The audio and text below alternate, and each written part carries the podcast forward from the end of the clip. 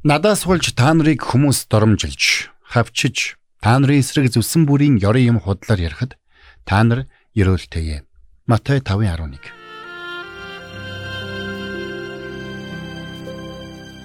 Мэргэний сонсог мэдлэгэд хэлэг.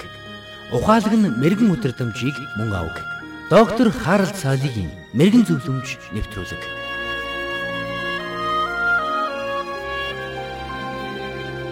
Хотынх нь гадаа дайсны их зэрэг ирчихсэн байгааг мэднэ гэдэг ямар ч хааны хувьд аимшигтай санагдах нь мэдээж. Цаашилбал өөрт нь аюулд очруулж болзошгүй этгээд гэрийнх нь гадаа байгааг мэдэх хиндэж таатай байхгүй. Тийм ч учраас хүмүүс хаалгаа төгжиж тохиолдол тавиулж хяналтын камер суулгуулдаг шүү дээ. Гэтэл бидний дайсан нүдэнд харагдахгүй, гарт барагдахгүй байх тохиолдолд яах вэ? Шинэ гэрээг бид гүйлгээд унших юм бол тэнд сатаныг амьд бөгөөд бодтой гэдгийг тодорхой өгүүлсэн байдаг. Бидний эргэн тойронд болж буй үйл явдлуудыг бид харах юм бол сатан үнэхээр бодтой гэдгийг бид төвөггүй ойлгож чадна. Гэхдээ олон талаараа тэр бидний бодож төсөөлдгөөс илүү залтай, илүү хор хөнөөлтэй юм. Диавлын хүч өнөөдөрч дэлхийд даяар идэвхтэйгээр ажилласаар байна. Ингэхдээ тэр ихэвчлэн Христэд итгэгчд буюу Бурхны хүүхдүүдийг амьд байгаа болгосоор байна. Сатан бурхны эсрэг анх тэмцэлдэх үедээ ч хамгийн түрүүнд Эден цэцэрлэгт байсан бурхны хүүхдүүд рүү довтолсон гэдгийг та санаж байгаа байх. Тесалоник дахь итгэгчдэд хандан бичсэн загталда Паул. Тиймээс бид та нар дээр очихыг хүссэн юм. Паул би нэг бус удаа тийм хүссэн боловч Сатан биднийг саатуулав. 1-р Тесалоник 2:18 гэсэн байдаг. Энд Паул Сатан биднийг саатуулав гэсэн байгааг бид харж байна. Энэ үгийг Библийн өөр орчуулгуудад Сатан бидэнд саад тотхор хийв гэж орчуулсан байдаг.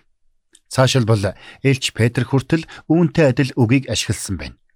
1-р Петр 3:7-г үзэх юм бол нөхрүүдээ эхнэр чинь эмэгтэй хүн тул түүнийг хэврэгхэн сав мэт үзэн та нар ч мөн адил эхнэртэйгээ ойлголцож амьдр. Амийн нэгүслийг хамтран өвлөгчийнх нь хувьд түүнийг хүнддэг. Ингэвэл залбиралд чинь саад тотхор учрахгүй хэмээн Петр бичсэн байна.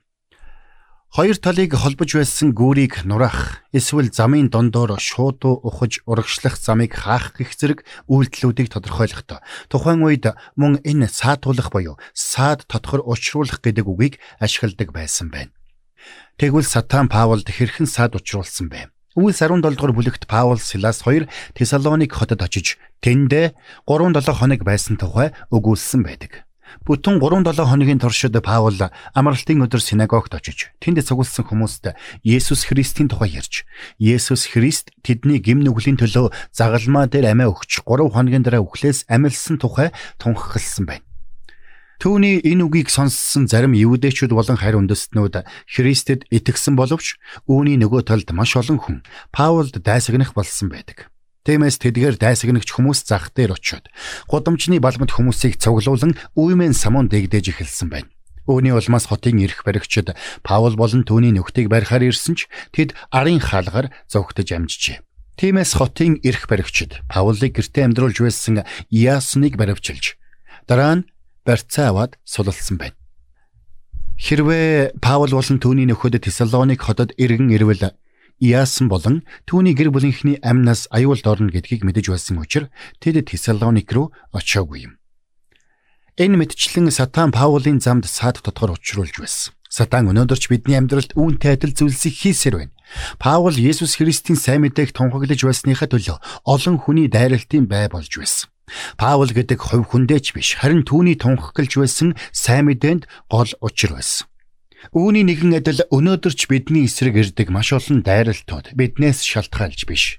Харин бидний төлөөлж буй Есүс Христээс шалтгаалan ирдэг. Харин ийм байдалд орох үед яах ёстойг эзэн Есүс бидэнд сургасан байдаг.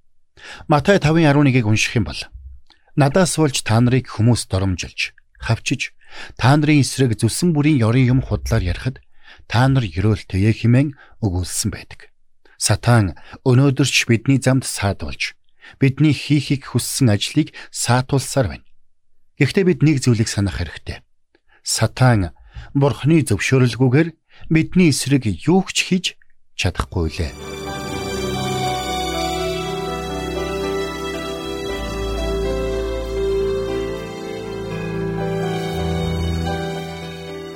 Мэргэн нэгнийг дагуул мэргэн мулгуутай нөхөрлөл, хорлол. Доктор Харалт цайлигийн мэрэгэн зөвлөмж нэвтрүүлэг танд хүрэлээ.